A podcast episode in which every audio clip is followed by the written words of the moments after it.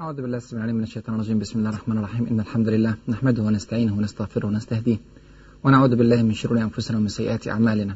إنه من يهده الله فلا مضل له ومن يضلل فلا هادي له. وأشهد أن لا إله إلا الله وحده لا شريك له. وأشهد أن محمدا عبده ورسوله. أما بعد فأهلا ومرحبا بكم في هذا اللقاء المبارك. وأسأل الله عز وجل أن يجعل هذا اللقاء في ميزان حسناتنا أجمعين. مع الحلقة الثانية من حلقات قصة الحروب الصليبية وفي هذه الحلقة لن نتكلم عن تفصيلات الحروب الصليبية ولكني وددت أن أقدم لهذه الحلقات أو لهذه القصة بتاريخ الصراع بين المسلمين وبين النصارى في أوروبا بصفة عامة. وقع الأمر أن عند نزول البعث النبوي على الرسول صلى الله عليه وسلم كان النصارى في العالم مقسمين إلى أكثر من موضع. لعل التي الدولة التي كانت تحمل لواء النصرانية وتتزعم الدين النصراني بصفة عامة في الأرض كانت الدولة البيزنطية أو الإمبراطورية البيزنطية وهي ما يعرف بالإمبراطورية الرومانية الشرقية وليه الشرقية؟ عشان كان في قبل كده إمبراطورية رومانية غربية سقطت قبل وفاة الرسول صلى الله عليه وسلم ب سنة تقريبا وتحديدا سقطت في سنة 476 ميلادية وقامت الدولة الإمبراطورية الكبيرة الضخمة البيزنطية تسيطر على أجزاء كثيرة جدا جدا من العالم المأهول في ذلك الوقت. كانت تسيطر على نصف شرق أوروبا تقريبا. النصف الشرقي من أوروبا. كانت تسيطر على دولة بلغاريا واليونان وألبانيا ويوغوسلافيا والمجر وتشيكوسلوفاكيا وبولندا. أجزاء أجزاء كثيرة جدا جدا من شرق أوروبا تسيطر عليه دولة واحدة. بالإضافة إلى الأناضول. الأناضول اللي هو تركيا الآن. فوق ذلك كانت تحتل مساحات شاسعة من العالم.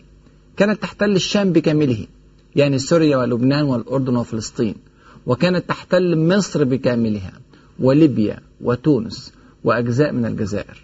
وكانت تحتل كل جزر البحر الأبيض المتوسط. حتى أصبح البحر الأبيض المتوسط ما هو إلا بحيرة في وسط في وسط الدولة البيزنطية. عشان كده كان بيعرف ببحر الروم والروم هم الرومان أو البيزنطيون. فهذه كانت الدولة الرئيسية في العالم في ذلك الوقت وكانت تقتسم العالم في زمان الرسول صلى الله عليه وسلم مع الدولة الفارسية. لكن مش هم دول بس النصارى في العالم في ذلك الوقت. كان في نصارى غرب أوروبا. لكن غرب أوروبا كان في حالة انحدار شديد جدا جدا للحضارة في ذلك الوقت. غرب أوروبا كان في طبعا إنجلترا وفرنسا وأسبانيا وإيطاليا وألمانيا. وهذه الدول كانت تدين بالنصرانية الكاثوليكية. بينما كانت الإمبراطورية البيزنطية أرثوذكس. وطبعا كل المناطق اللي احتلتها الإمبراطورية البيزنطية كانت أرثوذكسية سواء تبعا للإمبراطورية البيزنطية أو سواء كان ده منهج خدوه قبل احتلال الإمبراطورية البيزنطية لهم. كان هناك غير هذا التجمع الضخم في شرق أوروبا والتجمع الضخم في غرب أوروبا في بقاع متفرقة من العالم تدين بالنصرانية. يعني على سبيل المثال في الجزيرة العربية كان في تجمعين رئيسيين للنصارى. كان في نصارى نجران موجودين في جنوب مكة تقريبا في حدود اليمن من الجزيرة العربية. وكان في نصارى الشام ونصارى الشام هؤلاء تأثروا بالدولة البيزنطية الملاصقة. كانت قبائل عربية زي قبائل الغساسنة وقبائل تغلب وغيرها من القبائل الموجودة في شمال الجزيرة العربية. هذه القبائل تنصرت على مدار الأعوام والسنوات. وصارت حلفا للإمبراطورية البيزنطية. يعني هم عرب لكن محالفين الإمبراطورية البيزنطية. وكانوا من الذين قاتلوا الرسول صلى الله عليه وسلم عند ظهوره تبعا لقتال الدولة البيزنطية. كان في برضو بعض النصارى أو دولة نصرانية في أفريقيا اللي هي دولة الحبشة ومشهورة اللي هي أثيوبيا دلوقتي. وكان طبعا فيها ملك لا يظلم عنده أحد اللي هو النجاشي كما ذكر رسولنا صلى الله عليه وسلم. يبقى دي كانت التجمعات الرئيسية للنصارى في زمن الرسول صلى الله عليه وسلم. مع بدايات البعثة النبوية جاءت البعثة لكل العالمين. كما يقول ربنا سبحانه وتعالى وما أرسلناك إلا رحمة للعالمين. ويقول صلى الله عليه وسلم كان النبي يبعث في قومه خاصة وبعثت للناس عامة. لأجل هذه العمومية في الرسالة ولأجل هذا الانتشار الذي ينبغي أن يكون عليه هذا الدين أرسل رسولنا صلى الله عليه وسلم الرسائل إلى كل العالمين يدعوهم إلى الدخول في الإسلام بالتي هي أحسن دعوة وجدل بالتي هي أحسن. فأرسل رسالة إلى كل الزعماء والأمراء بما فيهم إمراء الممالك النصرانية في العالم. فأرسل إلى هرقل اللي هو كان قيصر الروم في ذلك الوقت. قيصر هو الزعيم الأكبر للدولة البيزنطية. كان اسمه هرقل في ذلك الوقت. فأرسل له رسالة يدعوه فيها إلى الإسلام. وأرسل إلى المقوقس عظيم مصر في ذلك الوقت. وأرسل إلى النجاشي. وأرسل إلى آه، شرحبيل ابن عمرو اللي هو كان أمير الغساسنة القبيلة العربية اللي كانت موجودة في الشام في ذلك الوقت. يعني وأرسل طبعا رسائل أخرى كثيرة إلى كسرى وإلى غيرهم من الناس لكن نحن نتكلم على حلقات الصراع الإسلامي النصراني في خلال الفترة التي سبقت الحروب الصليبية. هذه الرسائل كما ذكرنا كانت بالتي أحسن دعوة سلمية تامة للتعرف على دين الإسلام ولقبول هذا الدين. ولا إكراه في الدين. يعني إن قبلوا قبلوا إن لم يقبلوا فهذا أمر يعود إليهم. لا إكراه في الدين. لكن حدث أمر مزعج جدا في السنة الثامنة من الهجرة عندما أرسل رسول الله صلى الله عليه وسلم رسالة إلى الشام فأمسك شرحبيل بن عمرو الغساسيني أحد قواد الغساسنة الرسول الذي أرسله صلى الله عليه وسلم كان اسمه الحارث بن عمير رضي الله عنه وأرضاه وقتله. وطبعا في في جميع الأعراف سواء كانت الأعراف القديمة أو الحديثة الإسلامية أو غير الإسلامية ممنوع قتل الرسل بأي حال من الأحوال. والرسول صلى الله عليه وسلم عندما جاءه آه، رسولان مرتدان يعني كان واحد منهم الاثنين كانوا أسلموا وارتدوا مع مسيلمة الكذاب لم يقتلهما صلى الله عليه وسلم. وقال لولا أنكما من الرسل لقتلتكما. ليه قتلتكما؟ لأنهما مرتدين. لكن كان كونهما يحمل رسالة هذا حفظ دماء الرسولين. فكان عرف عام في الدنيا كلها وإلى الآن عرف عام أن الرسول لا يقتل. فقتل رسول رسول الله صلى الله عليه وسلم. فحدثت أزمة عسكرية والرسول صلى الله عليه وسلم جهز جيش ليأخذ بثأر هذا الرسول الذي قتل. هذا إعلان حرب مباشر على الدولة الإسلامية فكانت غزوة مؤتة أو سرية مؤتة. وسرية مؤتة في تحليل الخاص هي انتصار واضح للمسلمين مع أن الجيش الإسلامي انسحب لكن خلي بالك الجيش الإسلامي كان 3000 والجيش الروماني مع القبائل النصرانية الموجودة في شمال الجزيرة العربية كان 200 ألف.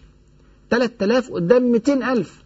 ومع ذلك لم يقتل من المسلمين إلا حوالي 14 أو 15 أو 17 شهيد فقط في هذه الموقعة.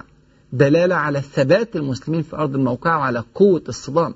والذي عاد أدراجه ولم يتتبع المسلمين هو الجيش الروماني العملاق. 200 ألف. 100 ألف رومي و100 ألف عربي من نصارى الغساسنة وتغلب وغيرها فكان هذا الصدام الأول بين المسلمين وبين الرومان النصارى في شمال الجزيرة العربية. طبعا ما كانتش العلاقة كلها صدامات. كان في علاقات سلمية كثيرة. كان في معاهدات مع نصارى نجران ونصارى أيلة وبعض الأماكن الموجودة في الجزيرة العربية. لكن هذه بداية الصراع وبداية الصدام. ثم في غزوة تبوك في السنة التاسعة من الهجرة كاد أن يحدث صدام ضخم جدا بين جيش المسلمين كان 30 ألف وجيوش الرومان الكثيرة الكثيفة الموجودة في الشام. لكن الجيوش النصرانية عندما علمت بقدوم الرسول صلى الله عليه وسلم أبت أن تقاتله وعادت أدراجها. لأن ذكريات مؤتة كان لسه مر عليها سنة واحدة. فقالوا إذا كنا إحنا كنا على مشارف هزيمة ساحقة من 3000 فكيف بثلاثين ألف مقاتل فعادوا ولم يقاتلوا المسلمين مع أنهم كانوا أضعاف أضعاف حج المسلمين. بعد وفاة الرسول الله عليه وفي عهد الصديق رضي الله عنه وأرضاه ثم في عهد عمر بن الخطاب رضي الله عنه وأرضاه احتدم الصدام بين المسلمين وبين البيزنطيين أو الدولة الرومانية الشرقية التي ذكرنا أنها كانت تحمل لواء النصرانية في ذلك الزمن. ودارت مواقع هائلة كثيرة. انتصر المسلمون في جلها تقريبا. انتصروا في أجنادين انتصروا في بيسان انتصروا في موقعة اليرموك الكبرى. موقعة اليرموك كان 39 ألف مسلم بيقاتلوا 200 ألف صليبي بيزنطي. ومع ذلك انتصر المسلمون انتصارا ساحقا. وفتحت دمشق وفتحت حماة وفتحت حمص. بل وفتحت أنطاكيا من أشد الحصون قوة وسنتعرض لها بعد ذلك في الحروب الصليبية. وفتح بيت المقدس. فتحت القدس في زمان عمر بن الخطاب رضي الله عنه وأرضاه. مرت الحروب الصليبية أو الحروب الإسلامية البيزنطية في سبع سنوات بكل مناطق الشام بفلسطين وبالأردن وبلبنان وبسوريا بل وبأجزاء من تركيا. وسقطت قيصرية وقيصرية هذه آخر المعاقل البيزنطية قبل جبال طوروس. وجبال طوروس هذه حد عازل ما بين الشام وما بين تركيا. فاستطاع المسلمون أن يأخذوا كل هذه المساحات اللي كانت الدولة البيزنطية بتحتلها من الأراضي الشامية ياخدوها في غضون سبع سنوات فقط من سنة 12 هجرية لسنة 19 هجرية. كان انتصارا ساحقا. في سنة 20 هجرية فتحت جبهة جديدة للصدام مع الدولة الرومانية في مصر. مصر في ذلك الوقت كانت محتلة من من الرومان مدة 900 سنة متصلة. تخيل 900 سنة متصلة. حتى جاء المسلمون وحرروا المصريين من الاحتلال البيزنطي البغيض. ضرائب باهظة إتوات شنيعة. حتى إرهاب في الديانة وإكراه في الدين مع أن البيزنطيين كانوا على نفس العقيدة التي عليها المصريون. الاثنين أرثوذكس لكن في اضطهاد شديد جدا لاختلاف عقائدي في داخل الأرثوذكسية. حتى جاء المسلمون وصار الأمر على الاختيار الذي يريده الإنسان سواء كان أسلم أو ترك أو التزم بالنصرانية على أي عقيدة أيا كانت لا إكراه في الدين. لكن فتحت جبهة جديدة مهمة في سنة 20 مع البيزنطيين في مصر. والموضوع ما وقفش عند كده. إحنا وصلنا بعد كده البرقة في ليبيا وفي سنة 43 من الهجرة يعني في زمان معاوية بن أبي سفيان رضي الله عنه وأرضاه وبدايات الخلافة الأموية فتحت جبهة كبيرة جدا في شمال أفريقيا في منطقة تونس والمغرب والجزائر. وهذه الجبهة فتحها عقبة ابن نافع رحمه الله. والكلام ده فتح برضه صدام ضخم جدا لأننا قلنا قبل كده أن الدولة البيزنطية كانت بتحتل تونس والجزائر في ذلك الوقت. في سنة 92 من الهجرة حدث تطور ضخم جدا جدا. فتح المسلمون بلاد الأندلس اللي هي أسبانيا والبرتغال دلوقتي. ففتحت بذلك جبهة جديدة للصراع هناك في غرب أوروبا. وبذلك أصبح هناك قسمين بيتحاوروا بيتحاربوا مع بعض في الشرق وفي الغرب. الدولة البيزنطية الشرقية تتصارع مع الشرق الإسلامي وغرب العالم الإسلامي المسلمين الموجودين في الأندلس في ذلك الوقت بيتصارعوا مع غرب أوروبا في ذلك الوقت. غرب أوروبا اللي هي أسبانيا في الأساس طبعا في ممالك نصرانية تكونت في شمال أسبانيا ودار بينها وبين المسلمين صراع على مدار ثمان قرون متصلة وكانت أشد الدول مساعدة لأسبانيا في حربها مع المسلمين. هي دولة فرنسا بواقع أنها قريبة جدا جدا من الأحداث. بل إن المسلمين لم يعني يكتفوا بحرب أسبانيا ولكن دخلوا إلى أرض فرنسا. وحصل فتح لمناطق كثيرة جدا جدا في فرنسا. وصل الأمر إلى حوالي 120 كيلو قرب باريس. حتى حدثت موقعة بلاط الشهداء سنة 114 هجرية. وهزم المسلمون في هذه الموقعة. وبذلك وقف المد الإسلامي من غرب أوروبا. ولم يتقدم المسلمون بعد هذه الخطوة يبقى بالتحليل ده قدرنا نعرف إن في جبهتين مهمتين جدا للصراع. الجبهة الشرقية والجبهة الغربية. الجبهة الشرقية كانت بيتولى كبر هذا الأمر والحرب في الإسلام في هذه المنطقة الخلافة الأموية ثم الخلافة العباسية ثم بعد ذلك الدولة العثمانية زي ما هنشوف. الخلافة الأموية بواقع أنها مجاورة جدا جدا للدولة البيزنطية وكانت بتتخذ من دمشق عاصمة لها يعني كان أهم قواعدها هي إمارة الشام أو منطقة الشام فكانت الحروب بينها متتالية مع الدولة البيزنطية. بل إن هناك أكثر من محاولة لفتح أهم وأعظم معاقل الدولة البيزنطية وهي مدينة القسطنطينية. أكثر من محاولة لكن لم تنجح كل هذه المحاولات. وطبعا بعد كده الخلافة العباسية شالت هذه المهمة لكن في الحروب بين الدولة الإسلامية وبين الدولة البيزنطية في عهد الخلافة العباسية كانت قليلة لأن الخلافة العباسية خدت العراق كمركز ليها وبغداد بالذات كانت العاصمة فبعدت كثيرا عن الخلافة أو عن الدولة البيزنطية ولم يتم لذلك عدة أو لم يتم لقاءات كثيرة بين الفريقين.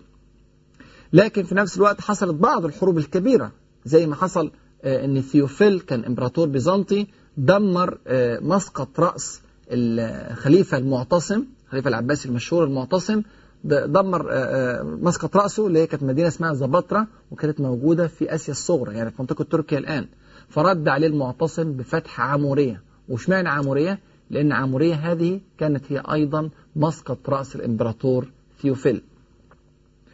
يعني تطور الموضوع أحيانا ما بين قوة وضعف بين الفريقين أحيانا علو للجانب الإسلامي وأحيانا علو للجانب البيزنطي لكن كانت الحرب دائمة بين الطرفين. كذلك كانت الحرب دائمة بين الطرفين على الجبهة الشرقية أو الجبهة الغربية في بلاد الأندلس ما بين انتصارات وبين هزائم تعددت الأمور بشكل كبير بين الفريقين. في سنة 358 من الهجرة يعني تقريبا في منتصف القرن الرابع الهجري حصل حدث مدوي في العالم الإسلامي. أو حصل حدثين في وقت متزامن. كان لهم أكبر الأثر على مسيرة الأحداث بعد ذلك وليهم دور كبير جدا جدا في فهم قصة الحروب الصليبية. أما الحدث الأول فكان سقوط أنطاكيا. عارفين أنطاكيا فتحت من زمان من أيام سيدنا عمر بن الخطاب رضي الله عنه وأرضاه. سقطت أنطاكيا في أيدي الدولة البيزنطية. وهذا السقوط أحدث دويا هائلا في العالمين الإسلامي والمسيحي. لأن كان لها أهمية دينية كبيرة جدا عند النصارى. فلما سقطت هذه المدينة اهتز العالم الإسلامي واعتبر البيزنطيون أن لهم حقا كاملا في هذه المدينة. وهذا سيفسر الصدام الذي سيحدث بعد ذلك بين البيزنطيين وبين الصليبيين الذين جاءوا من غرب أوروبا على مدينة أنطاكيا هذه لاعتبار البيزنطيين أنهم يملكونها وأن لهم حقا آه، تاريخيا في هذه المدينة. الحاجة الثانية اللي حصلت في سنة 358 من الهجرة وده على فكرة بيوافق سنة 969 من الميلاد يعني تقريبا في أخريات القرن العاشر الميلادي حصل سقوط مصر تحت الاحتلال العبيدي أو الاحتلال الفاطمي. طبعا الدولة العبيدية الفاطمية نشأت أصلا في المغرب وهنتعرض في أثناء الحلقات إلى تفصيلات عن الدولة الفاطمية أو العبيدية. ونشأت في سنة 296 من الهجرة وبدأت تزحف في اتجاه الشرق واحتلت أكثر من بلد حتى احتلت مصر في سنة 358 من الهجرة. وكان ده تحول كبير جدا جدا في التاريخ المصري. لأن الاحتلال العبيدي أو الفاطمي هذا قعد في مصر حوالي 200 سنة متصلة. مش بس اكتفى العبيديون باحتلال مصر لكن زحفوا من مصر بعد ذلك على فلسطين وعلى الشام واحتلوا هذه المناطق. عشان كده في أيام الحروب الصليبية اللي هتيجي بعد شوية هنلاقي أن هذه المنطقة في أجزاء كبيرة جدا منها محتلة من الاحتلال العبيدي. طيب بعد كده في أخريات القرن الخامس الهجري يعني بعد الكلام الأحداث اللي بتكلم عليها دي ب 100 سنة إحنا قلنا إن الصدام ما زال مستمرا بين الدولة البيزنطية وبين الخلافة العباسية. في الشرق. والصدام ما زال مستمرا أيضا بين أسبانيا وفرنسا وبين المسلمين في الأندلس. في أخريات القرن الخامس الهجري كانت الأحداث مؤسفة بالنسبة للمسلمين. كان في انهيار شديد جدا جدا في القوى الإسلامية. كان في تفتت قوة وهنتعرض بالتفصيل إن شاء الله في الحلقة القادمة لهذا التفتت والحيثياته. كان في حالة ضعف واضحة في الشرق الإسلامي. لكن في الغرب الإسلامي سبحان الله الوضع كان مختلف تماما.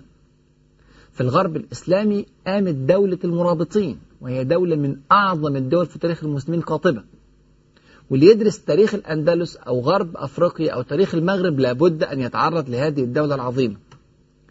وقام يوسف ابن تشفين رحمه الله من أعظم القوات في تاريخ الإسلام. قام بموقعة خالدة في التاريخ الإسلامي موقعة الزلاقة. وهذه الموقعة كانت في سنة 479 من الهجرة يعني في أواخر القرن الخامس الهجري. وحقق انتصارا ساحقا على الصليب على الصليبيين في شمال الأندلس. الصليبيين دولت كانوا جيش ضخم جدا من شمال أسبانيا ومن فرنسا. الجيش كان ستين ألف أبيد الجيش بكامله في موقعة الزلاقة فأصبح في قوة ظاهرة في منطقة الغرب الإسلامي أو منطقة الأندلس وفي ضعف ظاهر في شرق العالم الإسلامي.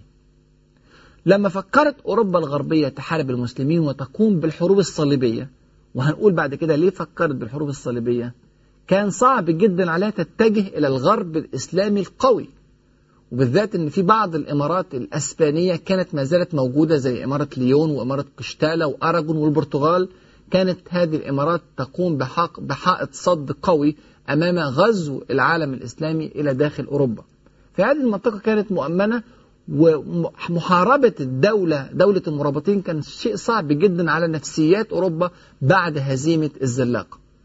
ففكر الأوروبيون في تغيير استراتيجية القتال تماما. أول مرة في تاريخ الصدام بين المسلمين وبين الصليبيين أو بين النصارى تتجه القوات الصليبية من غرب أوروبا إلى شرق العالم الإسلامي. لأن الشرق زي ما قلنا كان بيمر بحالة شديدة جدا من الضعف. في ملابسات وفي ظروف خلت الأحداث بعد كده تتجه فعلا إلى الشرق ساعدت على هذا الأمر لكن الضعف الذي كان في العالم الإسلامي الشرقي كان مغريا جدا جدا للجيوش الصليبية أن تأتي من غرب أوروبا على بعد مئات الأميال ولعله آلاف الأميال لتغزو قلب العالم الإسلامي في فلسطين وفي سوريا وفي لبنان وفي أجزاء من تركيا. واستمرت الحروب الصليبية. حوالي 200 سنة متصل هذه حلقة من حلقات الصراع التقليدي جدا ما بين القوى الإسلامية الموجودة في الشرق الإسلامي أو في الغرب الإسلامي وما بين القوى الموجودة في أوروبا في ذلك الوقت. إحنا قلنا من أول عهد الرسول الله وسلم من أول غزوة مؤتة ثم تبوك ثم ما بعدها من أحداث وإلى القرن الخامس الهجري يعني خمس قرون متصلة من المعارك التي لم تنقطع. وخدنا فوقهم 200 سنة حروب صليبية. وبعد انتهاء الحروب الصليبية هل انتهت القضية؟ لم تنتهي القضية بعد انتهاء الحروب الصليبية شفنا أمور مفجعة في الأندلس سقطت قرطبة في سنة 636 من الهجرة سقطت أشبيلية في سنة 646 من الهجرة يعني في أوائل القرن السابع الهجري يعني مع نهايات أو مع أحداث الحروب الصليبية بعد أن صارت الأحداث 100 سنة أو 200 سنة كانت هناك أحداث دامية تحدث في أرض الأندلس وتقلصت الدولة الإسلامية في الأندلس إلى جزء صغير جدا اسمه مملكة غرناطة في جنوب أسبانيا أو في جنوب الأندلس. في القرن الثامن الهجري بعد انتهاء الحروب الصليبية ظهرت دولة جديدة ناشئة في العالم الإسلامي هي دولة العثمانيين. وكانت أول ما ظهرت موجودة في منطقة الأناضول فقط يعني آسيا الصغرى اللي هي منطقة تركيا الآن.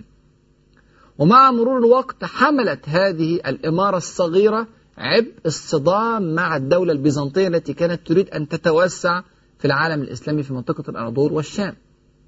ثم مع مرور الوقت بدأت الدولة العثمانية تزيد في الحجم بل وصل الأمر في القرن التاسع الهجري إلى أنها استطاعت أن تفتح القسطنطينية. حدث هز العالم كله. ونبوءة كانت واضحة في كلام الرسول صلى الله عليه وسلم لتفتحن لتفتحن القسطنطينية. ففتحت القسطنطينية كان الكلام ده في سنة 857 من الهجرة.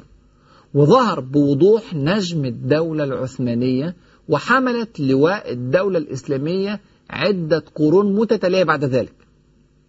لكن للأسف الشديد عند سقوط هذه المدينة الكبيرة مدينة القسطنطينية تزامن مع ذلك سقوط الأندلس كلية سنة 897 يعني بعد فتح القسطنطينية ب 40 سنة فقط وانتهى الوجود الإسلامي تماما من الأندلس.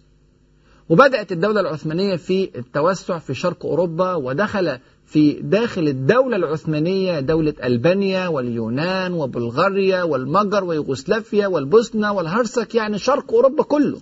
بل كان يدفع إمبراطور النمسا الجزية للمسلمين. يعني وصلت تقريبا لنصف أوروبا. لكن الغرب الأوروبي بدأ ينشط وبدأت حركة الغزو الاستعماري المشهورة للعالم الإسلامي بداية بالأسبان والبرتغال ثم مرورا بالهولنديين ثم نهاية بفرنسا وإنجلترا وإيطاليا. وطبعا أنتم شايفين أو عارفين كل ما حدث بعد ذلك من احتلال في العالم الإسلامي معظم بلاد العالم الإسلامي تقريبا احتلت والكلام ده كان في القرن الثاني عشر والثالث عشر والرابع عشر الهجري. احتلت معظم بلاد العالم الإسلامي لكن في منتصف القرن الرابع عشر الهجري بدأت موجات التحرر بداية من لبنان ثم سوريا ثم الأردن ثم مصر وهكذا حتى خرج العالم الإسلامي بكامله من الاحتلال ولم يبقى فيه إلا فلسطين وسبتة ومليلة وهاتان مدينتان موجودتان في المغرب احتلال أسباني. يبقى شفنا يا إخواني وإخواتي أن من ساعة البعثة النبوية من أولها وإلى زماننا الآن وطبعا أنتم شايفين اللي بيحصل في فلسطين وفي العراق وفي أفغانستان وفي غيرها من ساعة البداية وإلى زماننا الآن ولعله إلى يوم القيامة لأن هناك أحاديث تخبر أن هناك صداما من علامات الساعة سيكون بين المسلمين وبين الروم. هذه حلقات متتالية. يعني معنى كده أن حلقة الحروب الصليبية ليست حلقة مستغربة. شيء طبيعي جدا جدا. حلقة من حلقات الصدام وكما يقول ربنا سبحانه وتعالى ولولا دفع الله الناس بعضهم ببعض لفسدت الأرض.